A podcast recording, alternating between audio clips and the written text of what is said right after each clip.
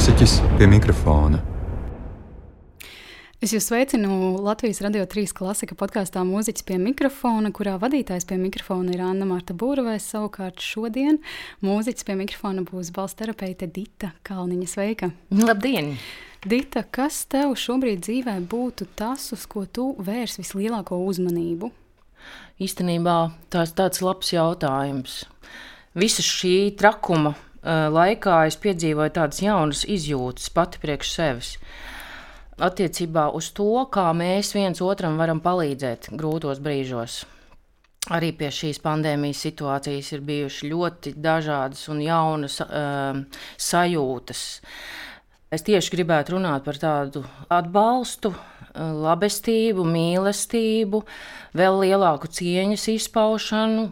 Un, jā, tas lielākais vārds laikam ir tā atbalstīšana un tā bezjēra un mīlestība, Mm, kuru es izpaužu kā pasniedzējs savā darbībā, jo cilvēki ir piedzīvojuši ārkārtīgi lielus disbalansus savā mākslinieckajās dzīvēs, kas nes viņam arī tīri psiholoģisku nestabilitāti. Un es esmu piedzīvojis ļoti daudzus mirkļus, kurus piedzīvojot, man ir prieks, ka tas cilvēks atnākot pie manis, iziet pēc stundas mūsu nodarbības laimīgāks, priecīgāks, ticīgāks.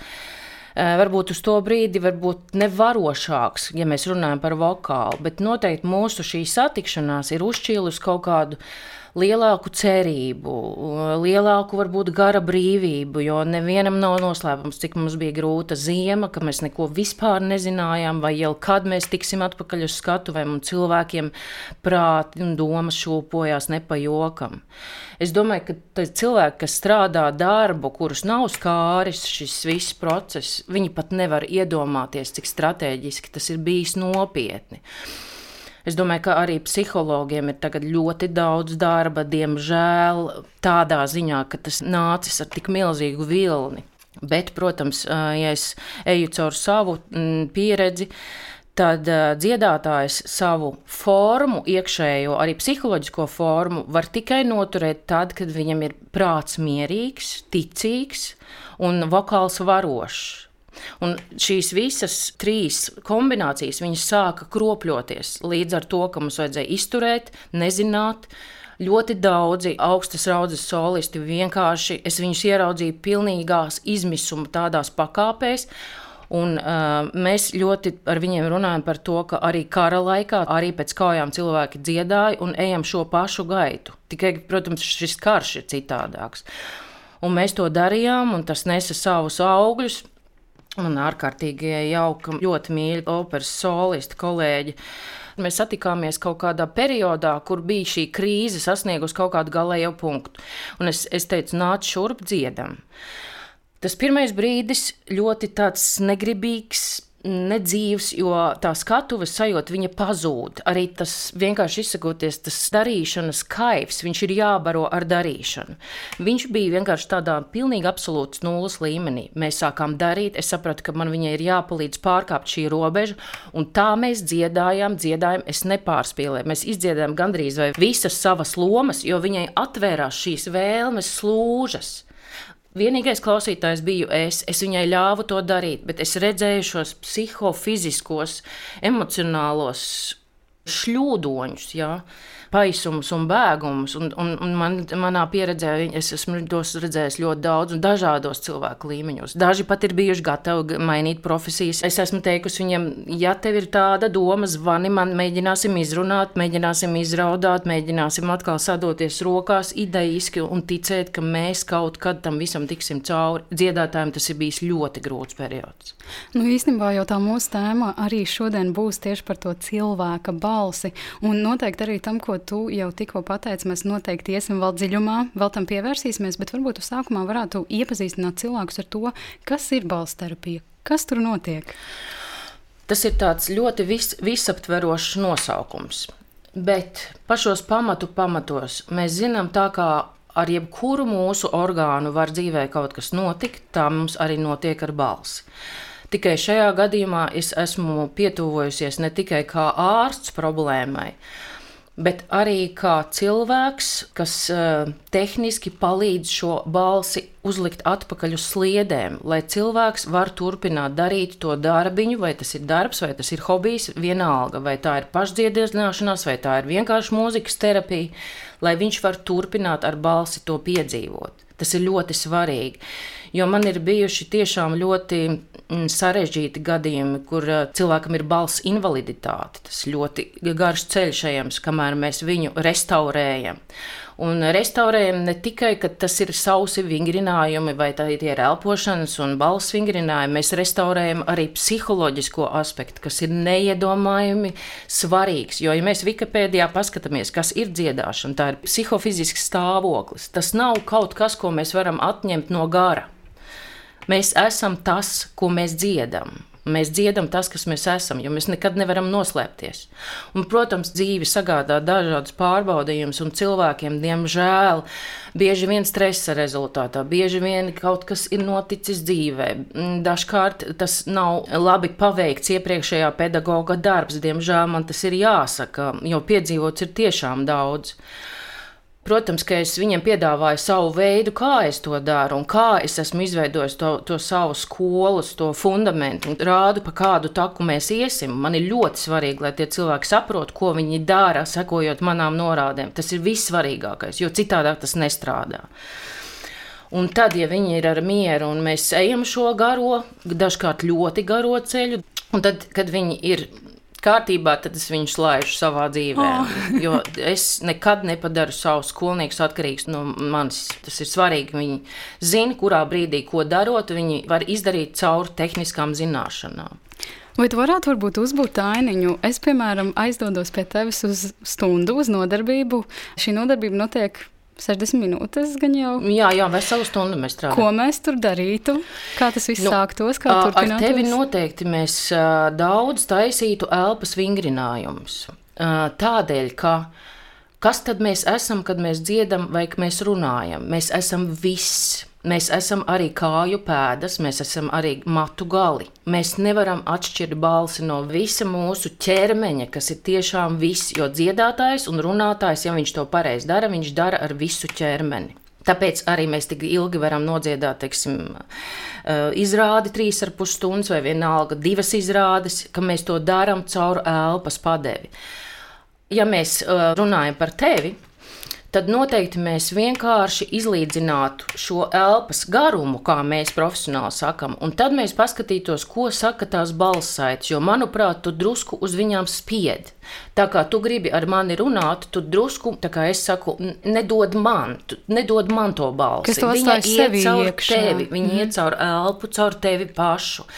Jo man tāds labs uh, salīdzinājums vienmēr ir Jo es ļoti daudz nodarbojos ar vizualizāciju. Jo vizualizējot, mēs ātri saprotam lietas. Ja? Jo mēs esam cilvēki, mēs esam saistīti ar dabu, mēs esam saistīti ar emociju, redzēšanu, jušanu. Ja visas šīs maņas ir šausmīgi svarīgas arī dziedāšanā. Saka, iedomājieties, ka tu esi čēls čelam, tas mazais kociņš, ko mēs ieliekam zemē, lai čels nešūpotos viņu spēlējot. Jā, arī mēs esam čels, mūsu kociņš ir mūsu kājas. Mums šī stratēģija arī caur vizualizāciju ir jādabūna absolūti tādā kondīcijā, ka tu jūti, es esmu instruments, vai es esmu instruments runājot vai dziedot, tas ir viss viens. Jo balss saite strādā absolūti vienādā režīmā, gan runājot, gan dziedot. Viņas sakļaujās, veidojās patskanis, runājot, mēs viņu vienkārši ierunājam elpā, dziedot, viņš paliek mums garāks, tāpēc ka mēs viņu vienkārši noturam. Mm -hmm. Klau, bet sanāk, ka tur ir fiziskais aspekts, tur ir arī psiholoģiskais Jā, aspekts, un tur ir arī tas vizuālais aspekts. Vai tu varētu varbūt kaut kādā veidā rezumēt un pastāstīt cilvēkiem, kāda ir tā tava pieeja, vai tā tomēr atšķirās no citiem balss terapeitiem, un kā tu viņus izveidoji šo gadu laikā? Nu, pirmkārt, man jāsaka, ka es neesmu nekad interesējusies par citiem cilvēkiem. Tā ir tikai mana pieredze, mans ceļš. Un, uh, pirms kādiem daudziem nu, gadiem man bija brīnišķīga saruna ar Orestu Silabriedi mūzikas saulē. Tur es atklāju to savu stāstu, kāpēc es šodien daru to, ko es daru. Jo tas viss ir nācis tiešām caur mani. Es esmu piedzīvojis šo vokālo kāru, kur es neesmu varējusi pieturēties, vai piezvanīt, vai palūgt palīdzību kādam cilvēkam. Man tāda nebija. Es vienkārši pati viņu izdzīvoju. Tā, protams, tajā dzīves periodā bija šausmīgi priekš manas traģēdija, jo es pārstāju dziedāt uz operas skatuves, bet um, šodien tā man ir milzīga balva, jo kas ir mana prioritāte? Šis, kā es saucu, karš, kas ar mani ir noticis Runājot ar Orestu, pieminēja to kolosālo filmu Karaļa runa, kur viņam prasa, kas ir jūsu tituli. Man nav titulu, bet man ir mana pieredze un mans dosjē, kurus varu pateikt ik katram, kas pie manis nāk, es tur esmu bijusi. Man šīs empātijas trepes ir tik pakāpeniskas, ka, ja teiksim, kādam ir slikti, tad es pazīstu šo trepu pakāpienu, jo es tur esmu bijusi. Un palēnītēm, palēnītēm es. Uh, sevī akumulēju faktiski šo domu, ka es gribētu padarīt cilvēkiem to saprotamu. Jo, ja tu dziedi, tev ir jāsaprot, ko tu dari, kad tu dziedi, kad tev sanāk. Ja tu runā, tev ir jāsaprot, kādus instrumentus lietojot, ko tu varēsi panākt un kā tu varēsi runāt pēc iespējas skaidrāk. Un kā mēs visi zinām, balsī ir ļoti liels spēks. Jā, mēs varam pieteikt sevi mm, čukstus, un mēs nevienam neatstāsim tādu iespēju, kā mēs skaidri, decenti izrunājot savu vārdu. Uz elpas mēs atstāsim absolūti citu viedokli. Absolūti. Un tu šobrīd arī ar mani runā, un es esmu burtiski ievilkta tevis teiktajā. Jā, jā, nu, jā, tās ir absolūti vienkāršas un saprotamas lietas. Tikai es domāju, ka varbūt daudzi par to nerunā. Un, uh, Man ir tas uh, skumjākais, ka arī dziedāšana ir šausmīgi padarīta par tādu mākslīgu procesu, vairāk vai mazāk. Man ir arī uh, liela ārzemju studentu pieredze. Man atbrauc viena skolniece, un uh, tas bija traki. Un gadiem tas bija traki. Tagad es ļoti priecājos, ka viņi ir savā vietā, savā darbā. Viņi vienkārši ir brīnišķīgi. Viņi ir sakārtojuši savu balsi, savu iekšējo pasauli, un viņi dara to, kas viņai ir jādara. Bet kāds tas ceļš ir bijis? Tas ir neaprakstāms. Kas tu teiktu, ir tas, kas izglītības iestādēs, mēs droši vien tikai par Latviju varam runāt, vai ne, jo tā pieredze ir bijusi šeit, bet kas ir tas, kas tur trūkst, kāpēc cilvēkiem vispār tā balss terapija ir vajadzīga?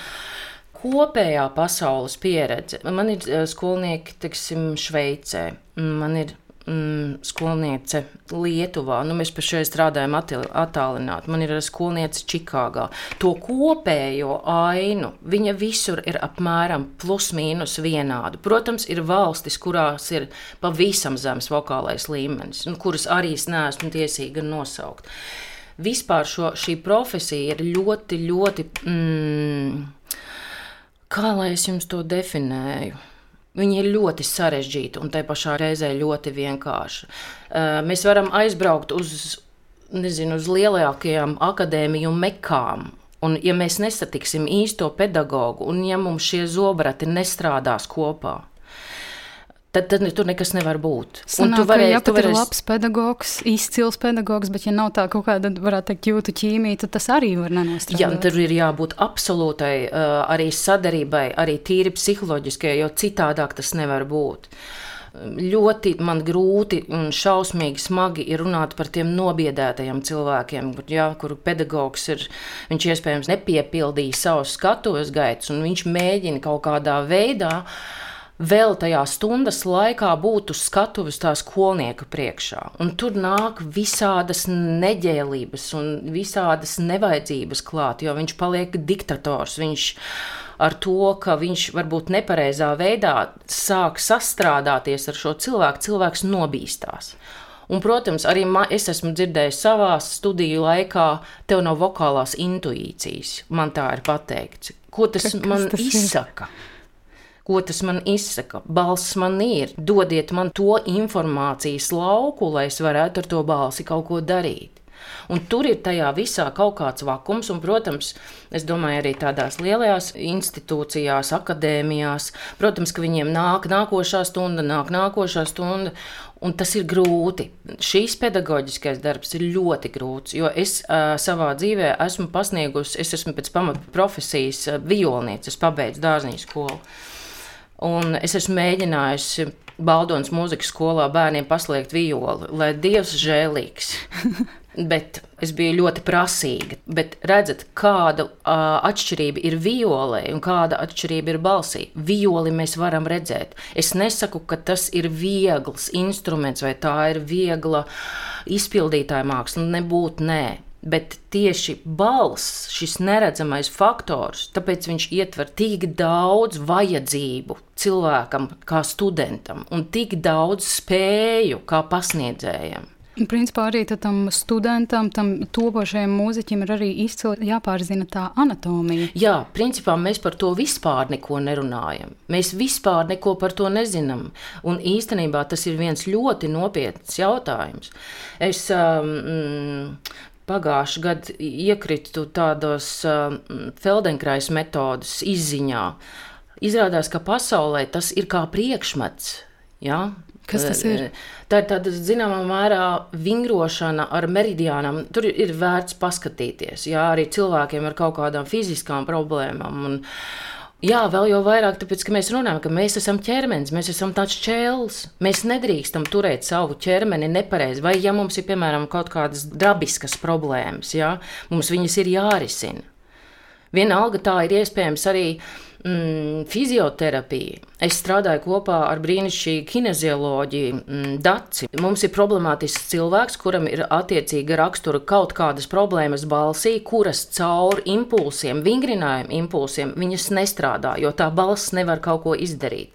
Mēs abas strādājam, viņ, viņa liek to cilvēku uz kušetes un uh, sakārto, un tas cilvēks jūtas pilnīgi savādāks, jo mēs esam ķermenis. Un mēs esam ķermenis ne tikai kauli, mēs esam ķermenis arī iekšējā orgāna. Piemēram, tagad arī kas notiek?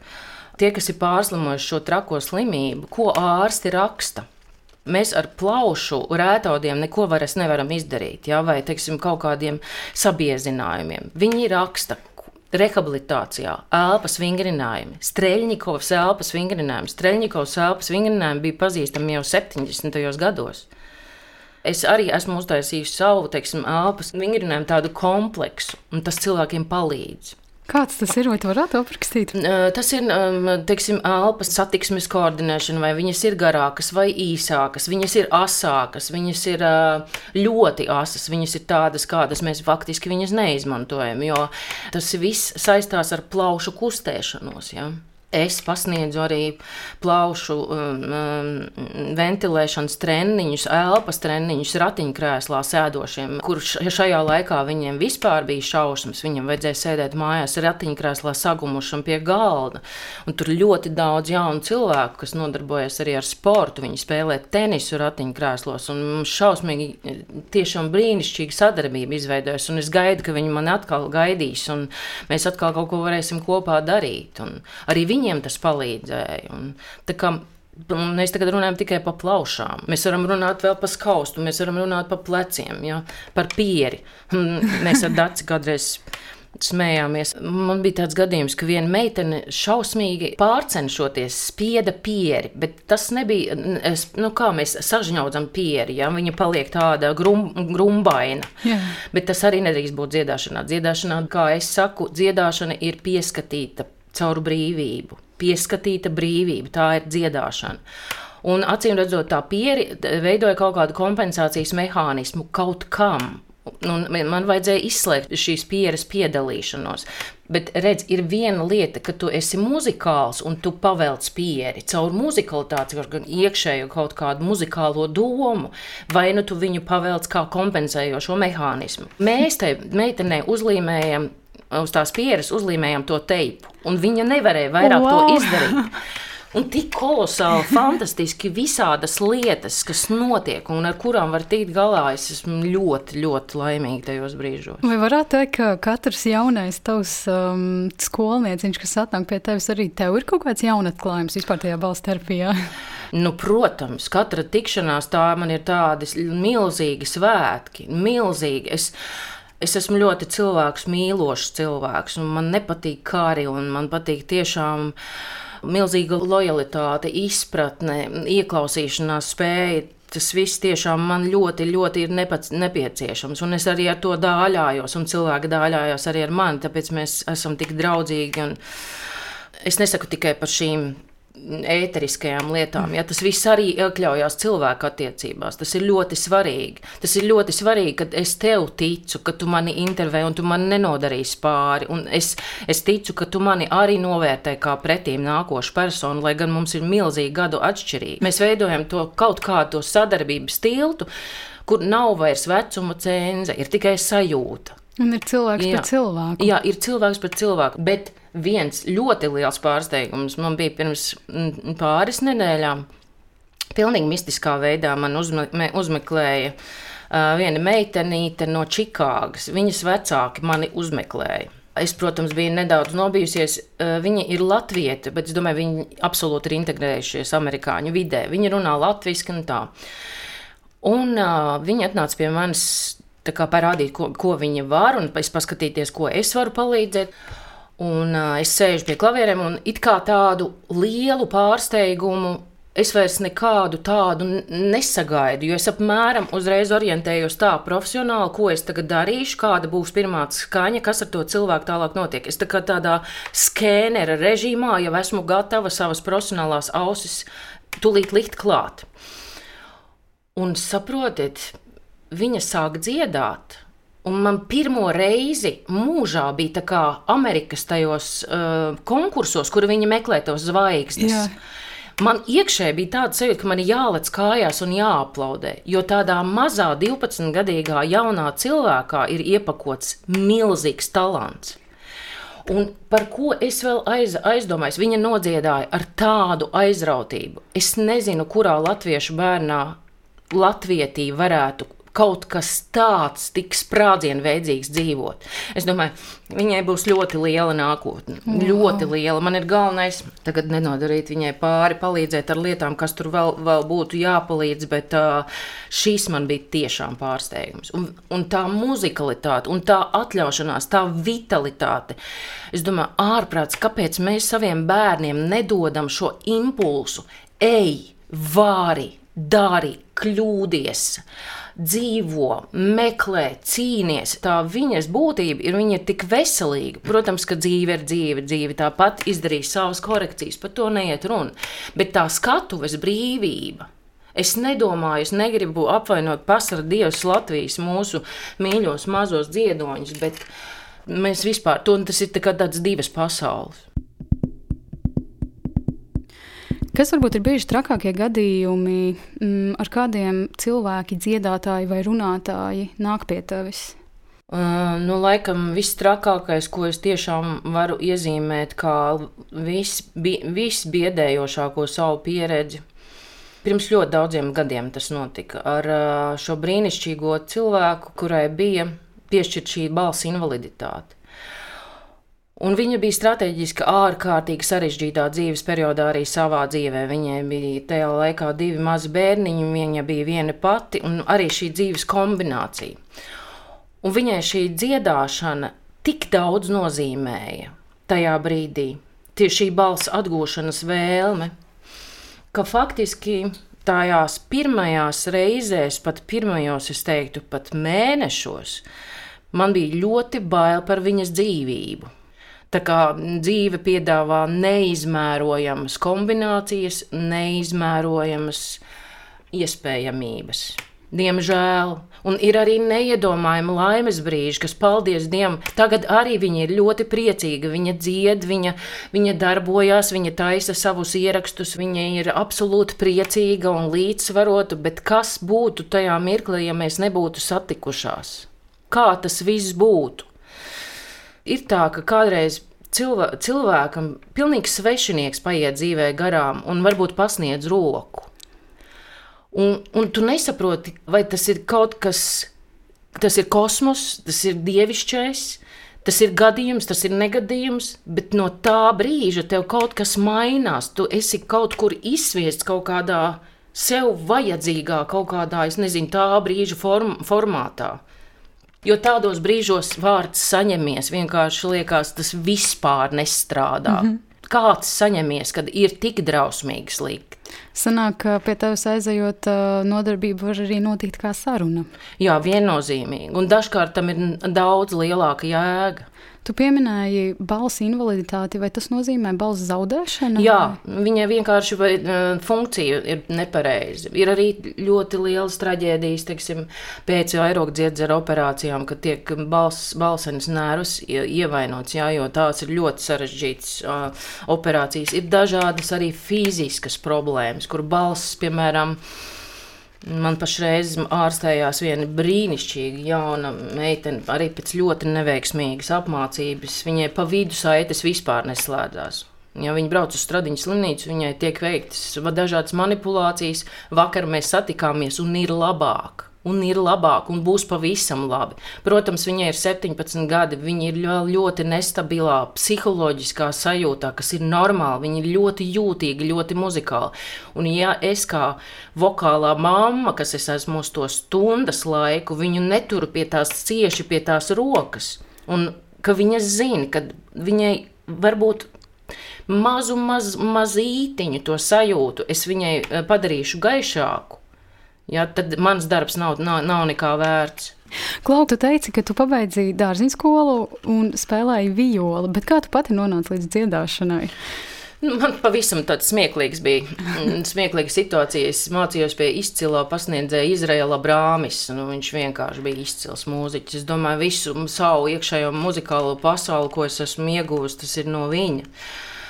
Un es esmu milzīgi pateicība viņam parādā kaut gan tik liels diktators un tik šērps viņš bija pret mani, ka es domāju, ka mm, savā bērnībā es esmu pazaudējis diezgan daudz nervu šūnu šajā mācības periodā, bet cerams, ka tas bijis to vērts. Bet, uh, Jā, tajā gadā kaut kas tur bija noticis. Latvijas valsts pasludināja, ka viņi neņems viņam esot mūziķu pārprodukciju. Es neko tādu jā, ka es neesmu nākošos gadus vairs neko tādu dzirdējusi, un ņems tikai tik attiecīgi. Un mums ar brīnišķīgo Juriju Safkinu, kas spēlēja operas orķestrī, fantastisks violnieks, Iestājoties eksāmenā, iestājoties, mums bija vienāds punktu skaits. Paņēma viņu, un es paliku aiz strīpas. Un ko tu pēc tam darīji? Tu gadu paņēmi brīvu? Es vai? pēc tam strādāju to slaveno savu pasniedzēju darbu Baltmonas muzikas skolā, lai man visi tie bērni piedod. Jo es biju es no tās dārziņa skolas, tā prasīguma. Es nevarēju iedomāties, ka var arī būt neprasīgāks. Un tad tie nabaga bērni, es viņus tur tā tirdīju man tagad ir pilnīgi nērti atskatoties. Bet nu, es ceru, ka viņiem jau sen ir bijuši fantastiski cilvēki, kur, kur viņus ir izskolojuši. Un pēc tam tu domāji, izdomāji vienkārši stāties arī mūzikas akadēmijā uz vokālu? Nē, tad, tad bija tāda notika? situācija, ka es dziedāju tautas korī dzinters, un tur mm, arī strādāja to laika Aina Bajārīte, un, un, un, protams, mēs gājām pie viņas uz tādām vokālām nodarbībām, viņa saka, bet tev ir balss, varbūt ir jāpamēģina. Es to laika periodu kaut kā ļoti maz atminos, bet jā, jā, viņa bija tā, kas man teica, ej, mēģini. Nu, tā kā balss ir, ko tad es uzkāpu uz mūzikas akadēmijas skatos, nodziedu tautas dziesmu. Kāpēc es ar jautājumu, kāpēc nedziedu operā? Un tad arī nonāca operā, vai ne? No operā es nonācu ar uh, Zigmāra Liepiņa. Parīzes Diemāts katedrālas lomu ar Esmeraldu. Tā, tas bija milzīgs manas karjeras grūdienis šī loma. Tas bija fantastisks laiks, un paldies Zigmāram vēl un vēlreiz, jo tāds laikam nekad nebija nekas vairs atkārtojies. Tas, tas izrāžu daudzums, un tas, tas bija tik novatoriski priekš tiem laikiem. Un es nekad ne, neesmu bijusi slavas kāra, nekad. Bet es tagad, skatoties, es domāju, kāpēc es nebiju.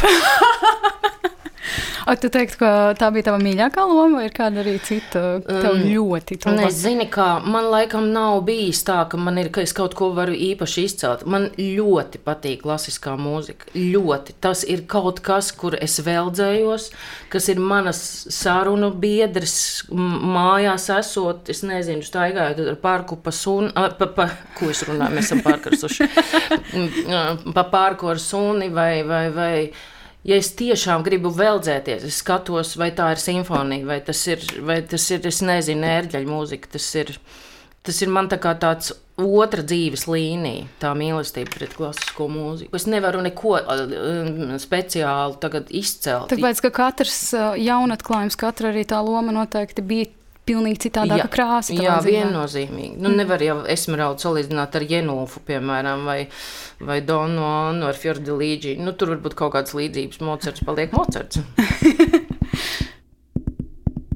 Ko tu teiktu, ko tev nozīmēja tavas balss zaudēšana? Kas bija tās sajūtas, tās emocijas, tās domas, kas virmoja tavā galvā tajā brīdī? Jo tas tomēr ir liels zaudējums. Tas ir nenoliedzami viens no. Es pašreiz varu ar lielu attālumu atskatīties, jo laiks ir pagājis. Bet man, priekš manis, tas bija kaut kas vispār prātam neaptverams.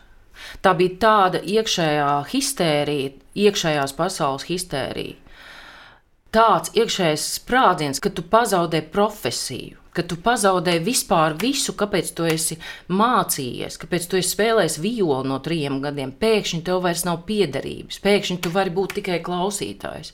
Un man vienmēr ir ļoti, ļoti paticis muzicēt, man ļoti patīk emocionāli mūziķi. Un tas padarīja man to vēl, um, vēl sāpīgāku, jo Es nevienam tur nenovēlu nokļūt, nevienam. Bet, ja jūs nokļūstat, vienmēr meklējiet cilvēku, kas jums var palīdzēt. Tas ir svarīgi. Vai tev bija tāds cilvēks? Nē, man bija tikai neizdzīvotais sapnis, Strausa pēdējās dziesmas. Un tad, jā, visi, kas man pazīst, viņi zina, ka es drusciņi pārspīlēju, bet es esmu tik emocionāli, cik es esmu nepieciešama saviem cilvēkiem, līdzcilvēkiem, skolniekiem, jo bez tās hipersajūtas tu nevari. Ja, ja kāds ir gana bēdīgs, piemēram, pie šādas situācijas, tu nevari viņam iet līdzās un teikt, ok, es tevi saprotu, tas nestrādā. Tev ar šo gaismu, ar šo gaišumu, ar šo Protams, neviens nevar pateikt, uzliec pienenīšu vainagdziņu un tur tā dziedās. Tas tā nav, bet izrunāt šo pēc definīcijas, mēģināt saprast, ko varam tagad darīt. Un tad ieslēdzās šī balss terapijas sistēma, par ko mēs runājam. Ja? Tad sākās šis mehānisms. No sākuma sakārtojam galvu, paskatāmies, kas tur medicīnā ir noticis, kāpēc notika tā, vai kāpēc notika citādāk. Man toreiz es nepaklausīju, jo es esmu tāda ļoti karavīga, un man liekas, ka es vienmēr ar visu tikšu galā. Mana pēdējais mēģinājums, es dziedāju ļoti daudz bohēmā mizetu. Un mums bija mēģinājums ar, ar, ar, ar diriģentu Tadeušu Šveicehovsku, viņš ir fantastisks mūziķis. Un viņš man aplika roku ap plecu, manā klātbūtnē aiztaisīja tās notis un teica, bet tagad nedziedi divus gadus. Un es tajā sajūtā, kāds nedziedi, kā es varu nedziedāt. Un tad es sevi dzinu tik nepareizā veidā, kā armijā. Es gāju, vienkārši dziedāju stundām, kam nav jēgas. Nav jēgas balsi pierunāt ar varu, tas nestrādā. Arī šeit galvā viss vārījās, viss vārījās. Katra diena nāca kā kaut kāda neiespējamā cerība, ka kā. Protams, man palika ar vien mazāk un mazāk darba. Nevis mazāk, bet automātiski man vispār vairāk nebija darba.